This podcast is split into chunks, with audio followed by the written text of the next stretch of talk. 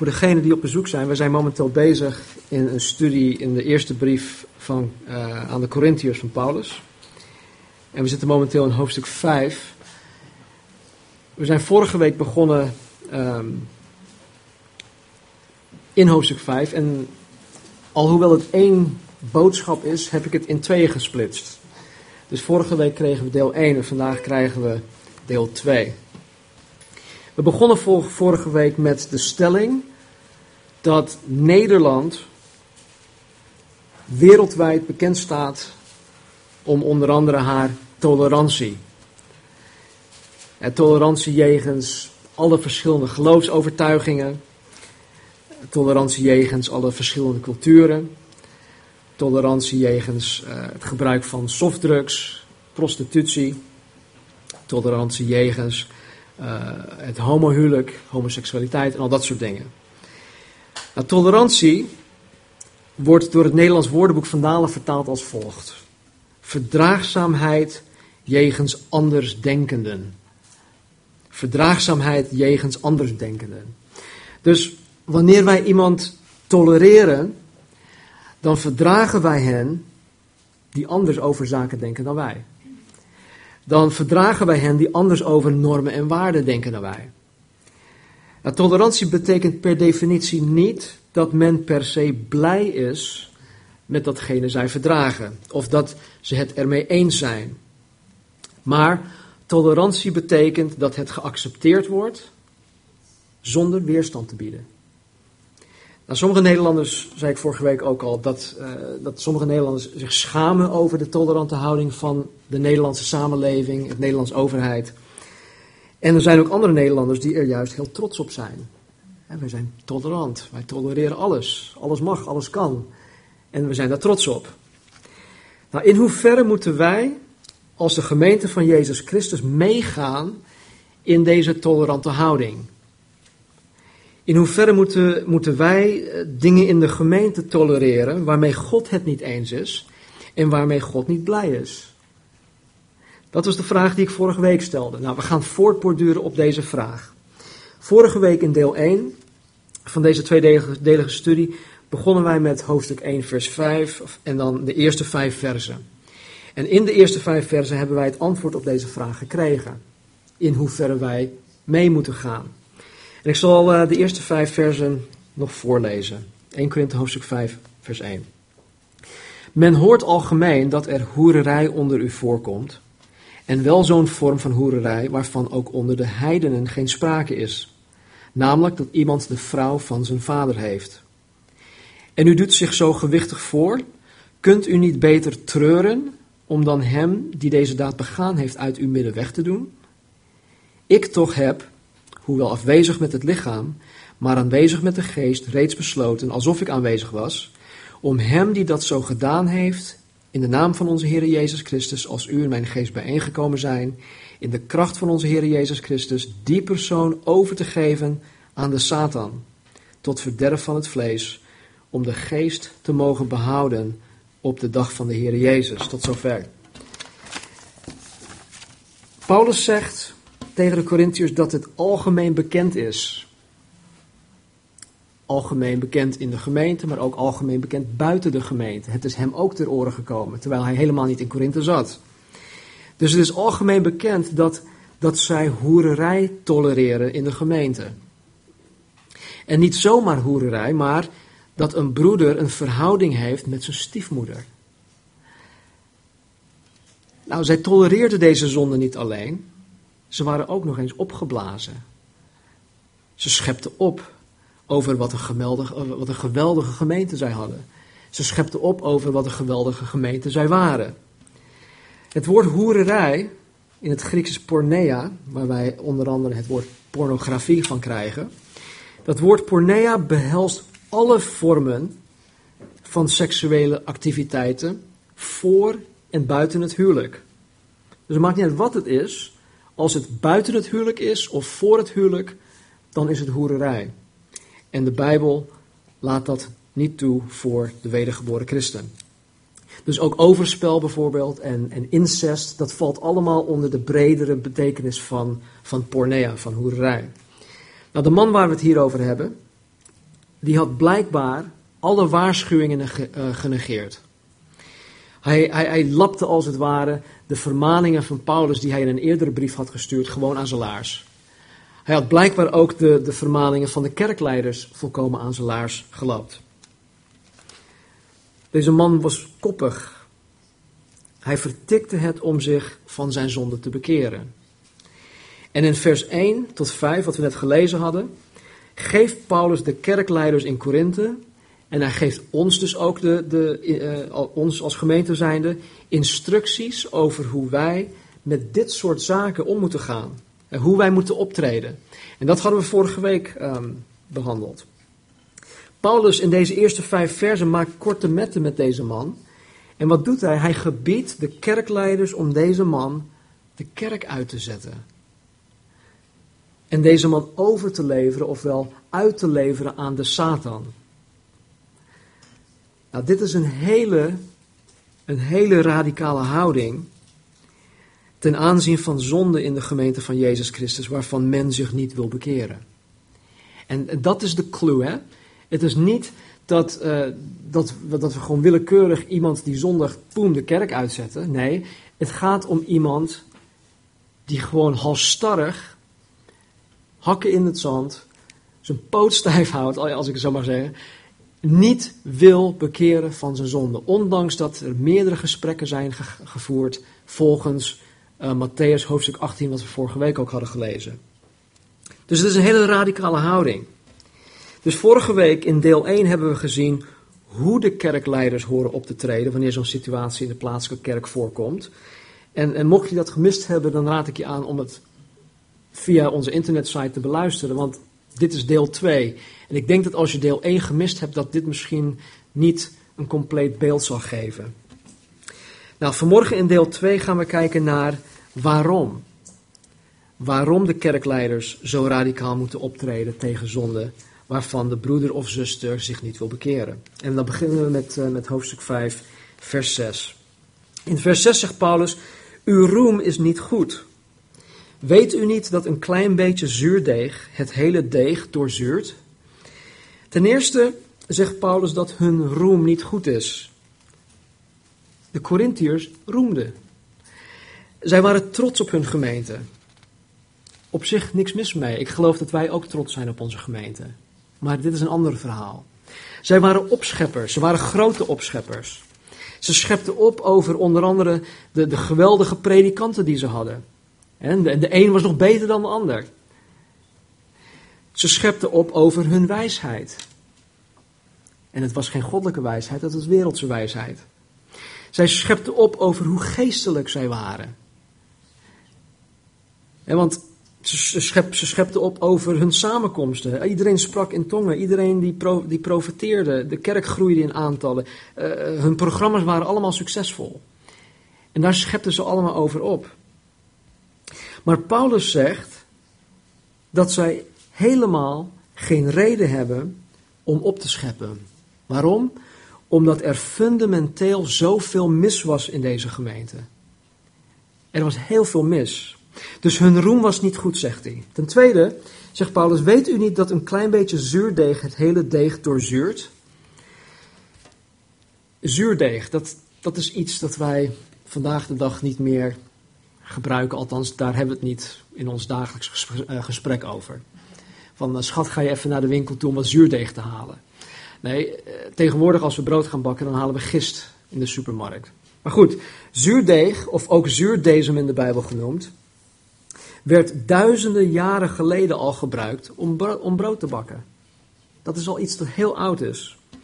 En de werking van zuurdeeg of zuurdezem is te vergelijken met de commerciële gist die vandaag de dag op de plank in de supermarkt te krijgen is.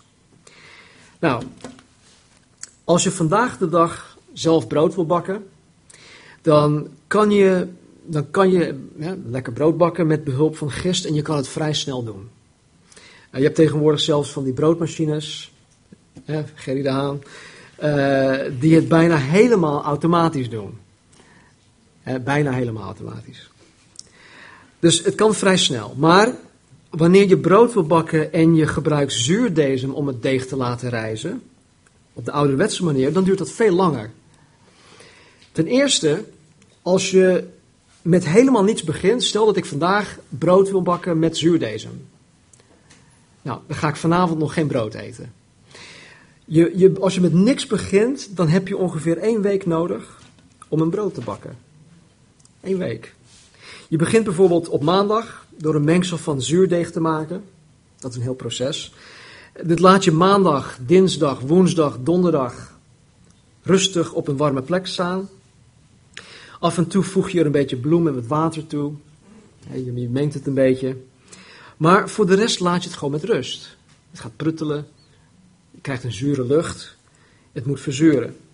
Nou, op vrijdagmiddag heb je ondertussen een, ja, een mengsel wat, wat eigenlijk niet zo, wat er niet zo lekker uitziet. Het, het, het stinkt een beetje. Uh, een beetje bierachtig mengsel. Waarbij je vervolgens wat water en 1 kilo bloem toevoegt. Nou, deze mengsel ga je vervolgens mengen. Je gaat het kneden, je strooit er net zoveel bloem op, hè, totdat het niet meer plakt. Je gaat het kneden, bloem strooien, totdat het niet meer plakt. Nou, vervolgens haal je een stukje deeg ervan af, van dat klomp, zeg ik het goed, klomp? Ja. Van, van die klomp, je haalt er een stukje van af en je zet dat, of je plaatst dat in een aparte kom. Je houdt dat stukje dus apart. Nou, de rest van, van, de, van het deeg dek je af tot de volgende dag en daarmee bak je het brood. Dus je bent maandag begonnen, zaterdag kunnen we heerlijk vers brood eten. Nou, als je eenmaal het zuurdesem gemaakt hebt, waarmee je maandag begonnen bent, het duurt ongeveer een week, dan kan je met dat ene stukje zuurdeeg dat je even afgehaald hebt, hè, dat je apart gehouden hebt, de volgende dag weer opnieuw brood bakken. Dus dat ene stukje zuurdeeg is voldoende om een nieuw stuk deeg in één dag te verzuren, zodat het gaat rijzen. Je hoeft dus niet helemaal opnieuw te beginnen om zuurdeeg te maken. Dus als je elke keer van het oude deeg een stukje zuurdeeg apart houdt, dan kan je dat stukje zuurdeeg gebruiken om elke dag opnieuw weer brood te bakken. Dus je hebt, een, je hebt een soort aanlooptijd van één week, maar als je het eenmaal hebt gemaakt, dan kan je gewoon brood blijven maken. Althans, zo is het mij geleerd. Nou, bij het gebruik van zuurdeeg of zuurdesem werkt het gistingproces dus als volgt. Het oud stuk zuurdeeg of het verzuurde deeg voeg je toe aan een nieuw klomp deeg die niet verzuurd is. Op het moment dat je het zuurdeeg toevoegt aan het nieuwe deeg, dan dringt het zuurdeeg door en het begint het nieuwe deeg te verzuren. En binnen een dag is de hele klomp verzuurd. En vandaar dat Paulus zegt: Weet u niet dat een klein beetje zuurdeeg het hele deeg doorzuurt? Nou, hij gebruikt deze vergelijking om aan te geven dat zonde, want daar hebben we het hier over, zonde waarvan men zich niet wil bekeren, door zal dringen in de gemeente, totdat het de hele gemeente daardoor verzuurt. En dat wil hij voorkomen. In de volksmond zeggen we één rotte appel. Ja, kennen jullie die? Eén rotte appel in de mand maakt de, de gehele vrucht tot schand. Nou, ik weet niet of jullie ooit een fruitmand hebben gehad waar één appel beurs raakt. Je hebt zo'n lelijke plek. Dan krijgt hij van die witte, witte haartjes erop. Nou, dat tast de andere appels weer aan. Enzovoort, enzovoort. Dus één rotte appel in de mand maakt de gehele vrucht tot schand. Vers 7. Hij zegt: Verwijder dan het oude zuurdeeg om een nieuw deeg te mogen zijn, zoals u ongezuurd bent. Want ook ons pascha is voor ons geslacht, namelijk Christus. Dus Paulus, die weet wat voor een verwoestend effect zonde in de gemeente kan hebben, zegt nogmaals tegen hun dat zij de man in kwestie moeten verwijderen, zodat zij niet door zijn zonde beïnvloed worden. Paulus zegt hier ook dat de Corinthiërs ongezuurd zijn. Hij noemt hen hier, uh, verwijder dan het oude zuurdeeg om een nieuw deeg te mogen zijn, zoals u ongezuurd bent. Hij noemt hun dus al ongezuurd. Want ook ons pascha, zegt hij, is voor ons geslacht, namelijk Christus. Nou, voor het Joods volk vertegenwoordigt de zuurdesem iets slechts, dat uit het verleden meegenomen werd naar het heden. dus als je het met, met, met, met, met een Jood over, over zuurdezem had, of over het paasfeest, dan vertegenwoordigde het iets slechts dat uit het verleden meegenomen werd naar het heden. Nou, als je het verhaal niet kent, lees Exodus hoofdstuk 12. En maar in, in Exodus 12, toen God Israël voorbereidde om Israël, of, uh, Egypte te verlaten, via de Exodus, gebood hij hun om een lam te slachten. En het bloed van het lam op de deurposten te sprenkelen. Zodat wanneer de engel des doods uh, de tiende plaag over Egypte bracht, hij de huizen met het bloed op de deurposten zou overslaan, waardoor de eerstgeborenen niet zou doodgaan. Ook gebood God de Israëlieten om zeven dagen lang ongezuurde broden te bakken en te eten. Ze mochten absoluut geen zuurdezem aanmaken. Ze mochten het niet gebruiken. Sterker nog, ze moesten elk spoor van zuurdezem uit hun huis wegdoen. Zeven dagen lang. Maar waarom, geen on, waarom, waarom ongezuurde broden? En waarom mochten zij geen zuurdezem in huis hebben? Nou, ten eerste wilde God hun uit, het, uit Egypte leiden. En zouden ze geen tijd hebben om het deeg te laten reizen. Want hun vertrek uit Egypte zou uh, plotseling geschieden en ze, ja, ze hadden haast om, om daar, daar weg te gaan. Ten tweede, en ik denk het meest belangrijke, is dat zuurdezem in dit geval het oude leven in Egypte vertegenwoordigde. Zuurdezem vertegenwoordigde het oude leven in Egypte. En omdat God Israël van het oude leven in Egypte ging bevrijden door de Exodus, wilde God niet dat er maar iets van, van het oude leven in Egypte overbleef wanneer zij het nieuw leven in zouden gaan in het beloofde land. En tot op de dag van vandaag wordt het paasfeest, of het feest van ongezuurde broden, gevierd. En de bevrijding van de slavernij in Egypte wordt herdacht. Nou, paasfeest wordt het genoemd. Het wordt ook wel Pesach genoemd, dat is Hebreeuws. Pascha is Aramees. Maar in, in het paasfeest is Jezus Christus te zien. Nou, hoe bedoel je? Wij kunnen Jezus Christus zien in het paasfeest. Waarom? Want Hij, Jezus, is het lam die voor ons geslacht is. Jezus is degene die ons bevrijd heeft van ons oud leven in de wereld. Jezus is degene die ons een nieuw deeg heeft gemaakt zonder zuurdezem. Wij zijn zuiver gemaakt door Jezus. En Paulus, die de betekenis van het feest van ongezuurde broden heel goed kent, zegt hier tegen de Corinthiërs dat zij elke spoor van het oude zuurdeeg geheel moeten verwijderen. Het moet eruit. Nou, de vergelijking die Paulus maakt, is dat de gemeente het nieuw deeg is en het oude zuurdeeg de zonde is, of de zondaar. Paulus zegt dat de Corinthiërs, dat de gemeente in Korinthe ongezuurd is. Nou, we hebben het in de afgelopen weken best wel vaker of vaak gehad over onze positie in Jezus Christus. En wij zijn positioneel gezien al volkomen gerechtvaardigd. Wij zijn in onze positie in Christus al geheiligd. We zijn al uh, verheerlijkt in onze positie. Als God naar mij kijkt, dan ziet hij dat al. In de praktijk is dat anders. Maar positioneel ben ik dat al. En Paulus zegt hier dat, dat zij in Christus positioneel gerechtvaardigd zijn. Ze zijn geheiligd, ze zijn gezuiverd. Zij zijn ongezuurd. Zonder zonde. Zo ziet God ons als gemeente. En daarom zegt Paulus dat zij ook daarnaar moeten gaan leven. Met andere woorden, luister, Corinthiërs, je bent het, gedraag je daarnaar. Je bent rechtvaardig, gedraag je daarnaar. Je bent ongezuurd, gedraag je daarnaar.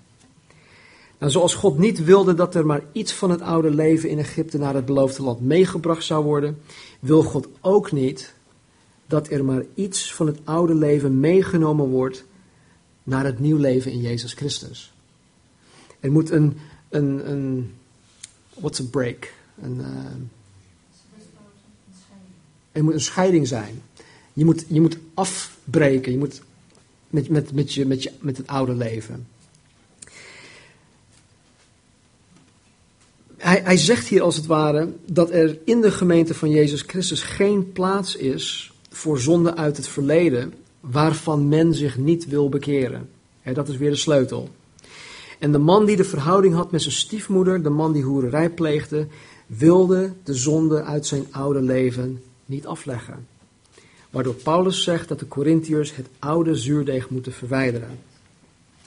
Nou, verwacht God van ons dat wij als christen zijnde, als zijn gemeente, als zijn kinderen, volmaakt zijn? Verwacht hij dat wij helemaal geen zonde meer begaan? Nee, absoluut niet. Helemaal niet. God weet dat wij nog te maken hebben met ons zondig lichaam. En hij verwacht niet dat wij volmaakt zijn. Hij verwacht niet dat wij um, geen zonde meer begaan. Dat we een zonderloos leven leiden. En God weet dat wij in dit leven nooit volmaakt zullen zijn. Maar God verwacht wel, hij verwacht wel van ons dat wij, dat wij naar die volmaaktheid streven. Jezus Christus is onze maatstaf. Hij is ons voorbeeld. Wij horen Hem na te volgen. Hij wil wel dat wij zelf verlangen om niet meer te zondigen. Hij verlangt ernaar dat wij er niet meer naar verlangen. Hij wil dat wij niet meer willen zondigen.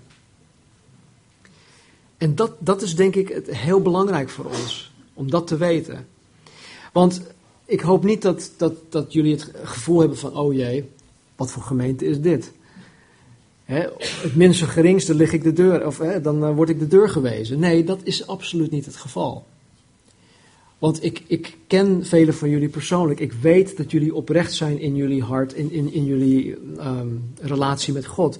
En ik weet dat alhoewel een aantal van jullie worstelen met zonde, is het een worsteling. En dat betekent dat, er, dat jullie weerstand bieden tegen de zonde. Als jullie helemaal niet, als er geen weerstand is, als er geen worsteling is en je, en je zondigt maar raak en je zegt van nee, komt wel goed, ik ben toch behouden, dat is een ander verhaal. Maar het feit alleen al dat we zeggen van joh, oh, ik heb zo moeite met die zonde, ik kom er maar niet van af. Prijs de Heer, je bent op de juiste weg. Dus laat je alsjeblieft niet bang maken door, door wat hier staat, dat je op, op, op, op je tenen moet gaan lopen of, of, of ja, want dat is absoluut niet de bedoeling.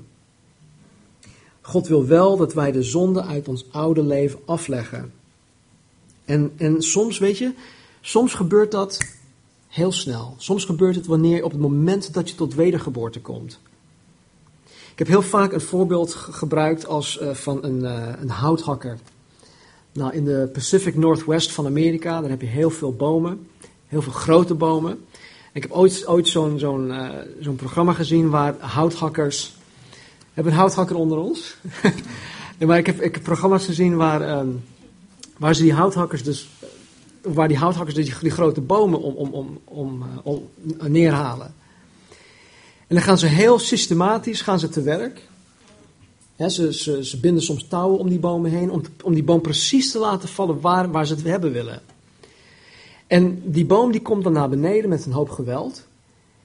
En terwijl hij naar beneden komt, breken allerlei takken van die boom af. Nou, de takken die er afbreken is, is meegenomen, daar hoeven ze verder niks mee, meer mee te doen.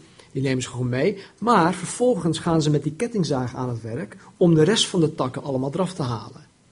Nou, ik denk dat het, het, dat een beeld kan zijn van hoe wij tot, tot wedergeboorte komen. Als wij tot wedergeboorte komen, zijn er soms dingen die wij in, in één klap waar, waar we in één klap vanaf zijn. Zonde die we, die we in één keer niet meer doen of niet meer willen doen. Maar vervolgens gaat de Heilige Geest met ons aan de slag. Met zijn kettingzaag. Of zijn snoeischaar. En door middel van zijn woord, door middel van zijn geest, gaat God te werk met ons en hij gaat langzamerhand al die takjes ervan afhalen. Nou, dat is denk ik wat hier ook van toepassing is, is dat God wil dat wij de zonde uit ons oude leven afleggen en dat kan een heel proces zijn, wil ik hierbij zeggen. Het kan een poosje duren. En sommige dingen zullen we waarschijnlijk nooit van afkomen. Maar zolang ons hart oprecht is naar God en je wil het, dan is dat geen probleem. Want zelfs Paulus zegt: O ellendig mens dat ik ben, wie zal mij van dit lichaam verlossen? De apostel Paulus realiseerde zich dat hij ellendig was. Dus God wil dat wij ervan bekeren en dat wij in nieuwheid des levens wandelen en dat dat ons verlangen is. Vers 8. Laten wij dus feest vieren, niet met oud zuurdeeg, ook niet met zuurdeeg van slechtheid en boosaardigheid, maar met ongezuurde broden van zuiverheid in waarheid. Daar ga ik nu niet verder op in. Vers 9. Ik heb u geschreven in de brief dat u zich niet moet inlaten met ontuchtplegers en met hoereerders. Niet echter in het algemeen met de ontuchtplegers van deze wereld, of met de hebzuchtigen, of rovers of afgodendienaars, want dan zou u wel uit de wereld moeten gaan. Ja, Paulus heeft blijkbaar voor deze eerste brief al een brief naar hen toegestuurd, die niet in de Bijbel is opgenomen, die niet geacht werd als door God geïnspireerd. En in deze brief had hij hun al gewaarschuwd. Hij had hun hierover al gewaarschuwd. Hè, om niet om te gaan, om niet op te trekken met hoereerders, of hebzuchtigen, of rovers, of af, afgodendienaars. Maar de Corinthiërs hadden zich blijkbaar vergist. Na deze eerste brief. Ze hadden blijkbaar gedacht dat Paulus de hoereerders enzovoort van de wereld bedoelde. De hoereerders buiten. Maar Paulus had het niet over de ongelovige hoereerders buiten de kerk. Want als, want als zij geen contact met de ongelovige wereld of de hoereerders van de wereld zouden mogen hebben, dan, dan zouden ze naar een andere planeet moeten gaan, zegt Paulus. Dan zou je uit de wereld moeten gaan. Dat is dus niet de bedoeling. Wij horen juist getuigen te zijn in deze wereld. Bert zei het vanmorgen al. Wij horen zout der aarde te zijn. Wij zijn het zout der aarde, het licht der aarde. Wij horen juist de hoereerders en deze andere mensen te vertellen dat er een veel beter leven is in Jezus Christus. Dat er verlossing is, mogelijk is van hun zonde. En de beste manier om te getuigen van het beter leven in Christus is om zelf geen hoererij te plegen. Of deze te tolereren in de gemeente. Vers 11. Maar nu heb ik u geschreven dat u zich niet moet inlaten met iemand die, hoewel hij een broeder wordt genoemd, toch een hoereerder is, of een hebzuchtige, of een afgodendienaar, of een lasteraar, of een dronkaard, of een rover. Met zo iemand moet u zelfs niet eten. Nou, hij laat duidelijk zien dat niet alleen iemand die zo'n grove zonde begaat als deze man, die met zijn stiefmoeder een verhouding heeft, dat alleen die man de gemeente uitgezet moet worden. Maar een ieder die zichzelf een broeder of zuster noemt, wiens levenswijze gekenmerkt wordt door dit soort zonde. En nogmaals, als je een moment van, van zwakheid hebt, als je struikelt en valt, dat maakt niet uit. Maar als je volhardt in de zonde en je wordt erop aangesproken door je broers of zussen, je wordt erop aangesproken door een kerkleider en je blijft daarin volharden, dan kan het zijn, nee, als je niet bekeert, dan is 1 Korinthe hoofdstuk 5 van toepassing. Vers 12. Het is toch niet aan mij, zegt Paulus, om hen die buiten zijn te oordelen, de wereld dus. Oordeelt u allen, of oordeelt u niet alleen hen die binnen zijn, maar hen die buiten zijn, oordeelt God. Doe de kwaaddoener uit uw midden weg. Nou, wij horen de ongelovigen niet te oordelen. Ik hoor als christen zijnde mijn collega's het niet kwalijk te nemen dat zij hoereerders zijn. Ik ken, ik ken heel veel hoereerders in de wereld. En ik ga ook met, met ze om. Ik probeer hun het evangelie duidelijk te maken. Ik probeer Gods liefde aan hen te tonen. Tegelijkertijd hoor ik de Bijbelse normen en waarden over hoererij niet naast me neer te leggen. Met andere woorden, ja, voor hun is het niet van toepassing omdat ze toch niet in God geloven. Maar voor mij, ik moet wel onberispelijk blijven. Het is ook niet zaak om, voor, voor mij om, om mijn Bijbelse normen en waarden bij hun op te leggen. Want dat heeft, dat heeft ook geen zin.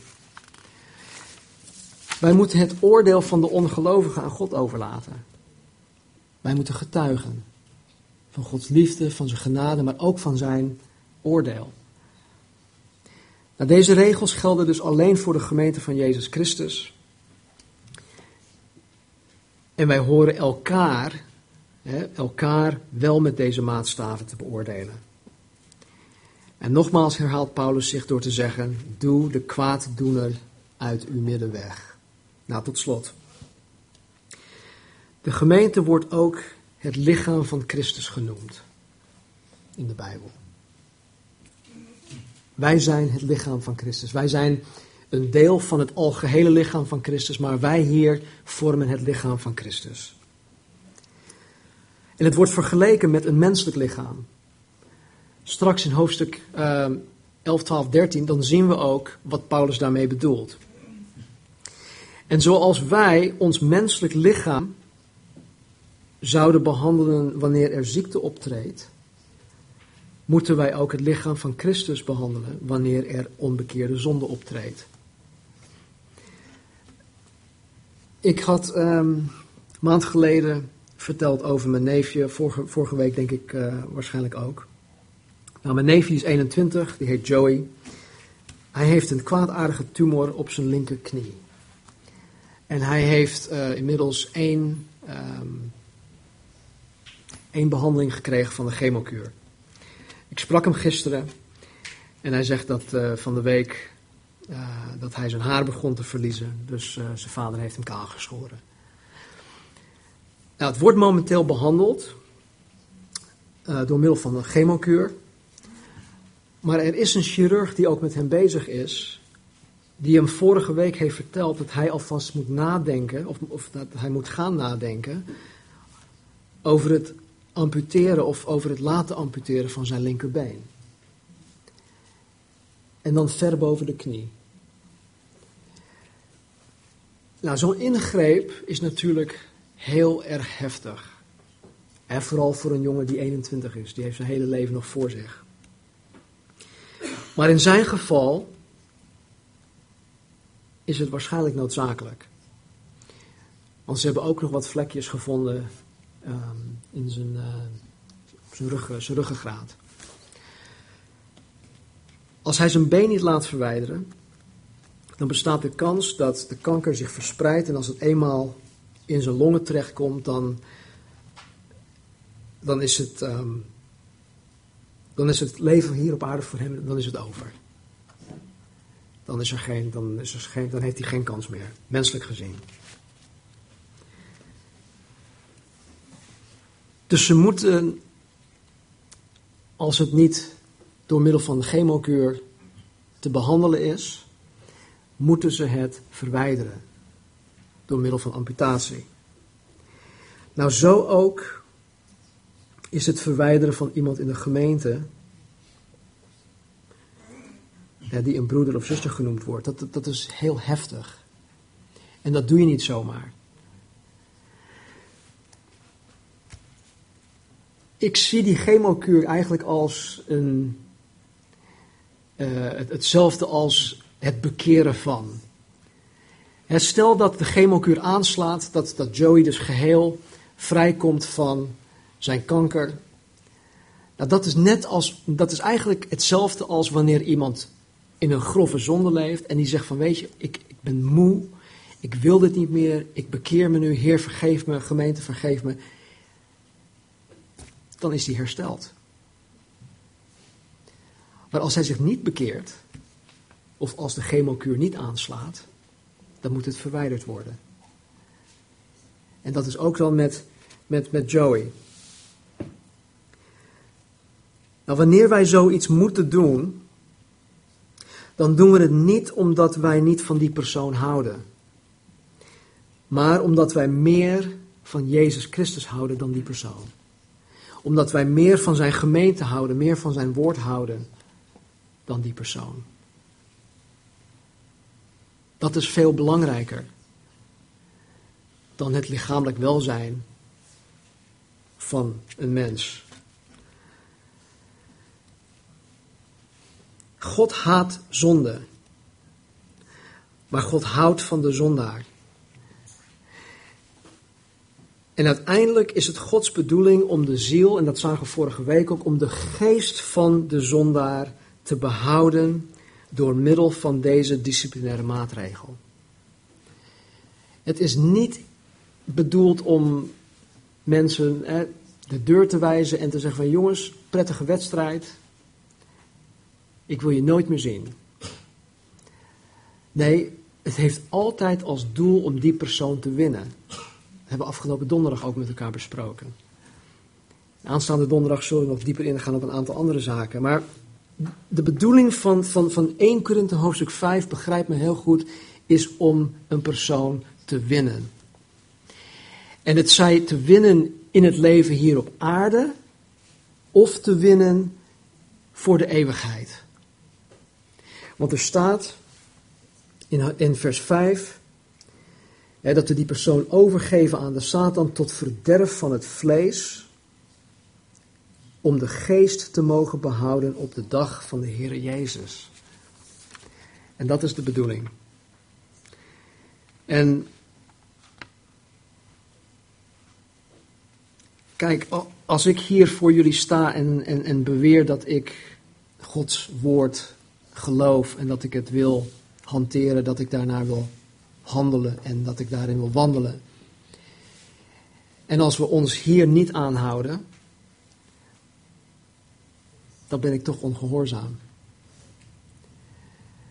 Dus de boodschap die ik vanmorgen heel duidelijk wil maken is niet dat ik met een vergrootglas naar jullie kijk, maar dat wij eensgezind hierover moeten gaan zijn. Dat wanneer zoiets gebeurt, en ik hoop dat het echt nooit meer gebeurt, maar mocht het gebeuren, dat jullie begrijpen waarom het gebeurt. Want dit is echt het, het, het meest vreselijke wat, wat ik als voorganger, of dat, dat wij als kerkleiders moeten doen. Maar toch moet het. Laten we bidden. Vader, ik dank u voor uw woord. En ik dank u, Heer, dat u ons uw woord laat rechtsnijden. Heer, dat u ons inzicht geeft tot uw waarheid. En Heer, dat wij, wanneer wij en waar wij, Heer, naar uw waarheid handelen, dat u daarin een welbehagen hebt. En dat u ons daarin zegent en leidt. En vader, ik dank u, Heer, dat u onze gemeente, deze gemeente, uw gemeente, Heer, dat u ons zegent. En dat in ieder van ons, Heer, oprecht is in onze relatie met u. En dat in ieder van ons ook zo graag, Heer, onze zonde wil afleggen. En vader, waar, waar wij worstelen, vader, met welke zonde dan ook, hoe groot of hoe klein. Heer, help ons. Help ons om deze dingen af te leggen. Help ons, Heer, om door dat proces heen te komen. Want, Heer, zonde heeft alleen maar een, destructief en verwoestend effect. Op je gemoedstoestand, op je hart, op je relaties, op het getuigen zijn. Dus Heer, help. Help ons, Heer. En waar wij worstelen, Vader, met zonde. Heer, wijs ons de weg. Laat ons zien, Vader, hoe wij moeten wandelen. Wiens hulp wij erbij moeten betrekken. En help ons, Heer, om eensgezind te zijn over 1 Korinthe hoofdstuk 5. Dank u, Heer, dat u het zo, zo duidelijk heeft gesteld. En heren, mogen, mogen u ons behoeden en bewaren, Vader, om dit, dit te moeten toepassen. Heren, u weet dat wij in ons hart bereid zijn, heren, om het te doen. Maar Vader, behoed ons en bewaar ons om het ooit, ja, dat het ooit nodig zal zijn. Help ons, Heer. Bid ook, Vader, dat u ons zal zuiveren. Blijf ons zuiveren, Heer, als gemeente. Blijf ons zuiveren, Heer, als individu. Ga met u, uw kettingzaag, Heer, als het ware. Ga met u, uw snoeischaar te werk. En zuiver ons, Vader.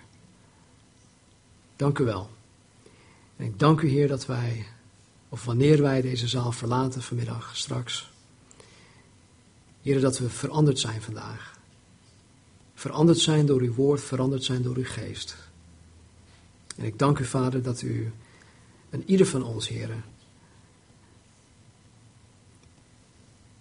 dichter naar u toe heeft getrokken.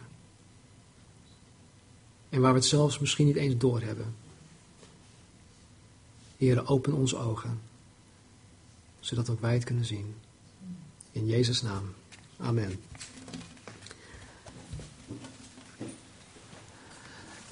Laten we gaan staan.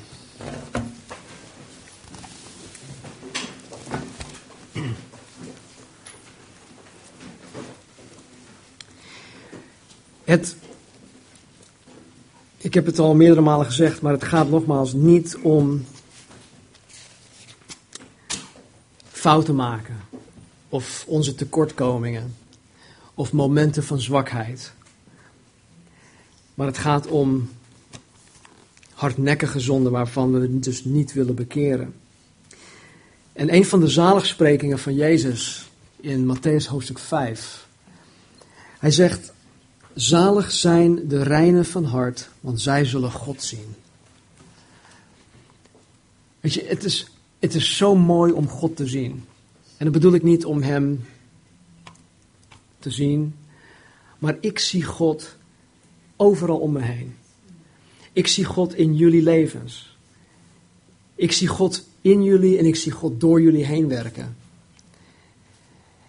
En Jezus zegt zalig zijn de reinen van hart, want ze zullen God zien. Ik geloof dat wanneer wij oprecht zijn, niet volmaakt, maar oprecht, dat wij God zullen zien. En ik weet zeker, als ik met jullie praat, als jullie onderling zo meteen gaan praten, dat jullie God zien in elkaar, in je eigen leven. Dus wees gezegend vandaag, deze week. Mijn gebed, mijn verlangen voor ieder van jullie is dat jullie deze week ook zonde zal gaan zien zoals God het ziet. En dat je meer en meer zonde zal gaan haten. Want het is zo, zo verwoestend. En God heeft zulke radicale maatregels genomen om ons daarvan vrij te maken. Dus wees daarin gezegend, wees daarvan bewust en ga met die gedachte ook weer de wereld in om anderen daarover te vertellen. God zegen jullie.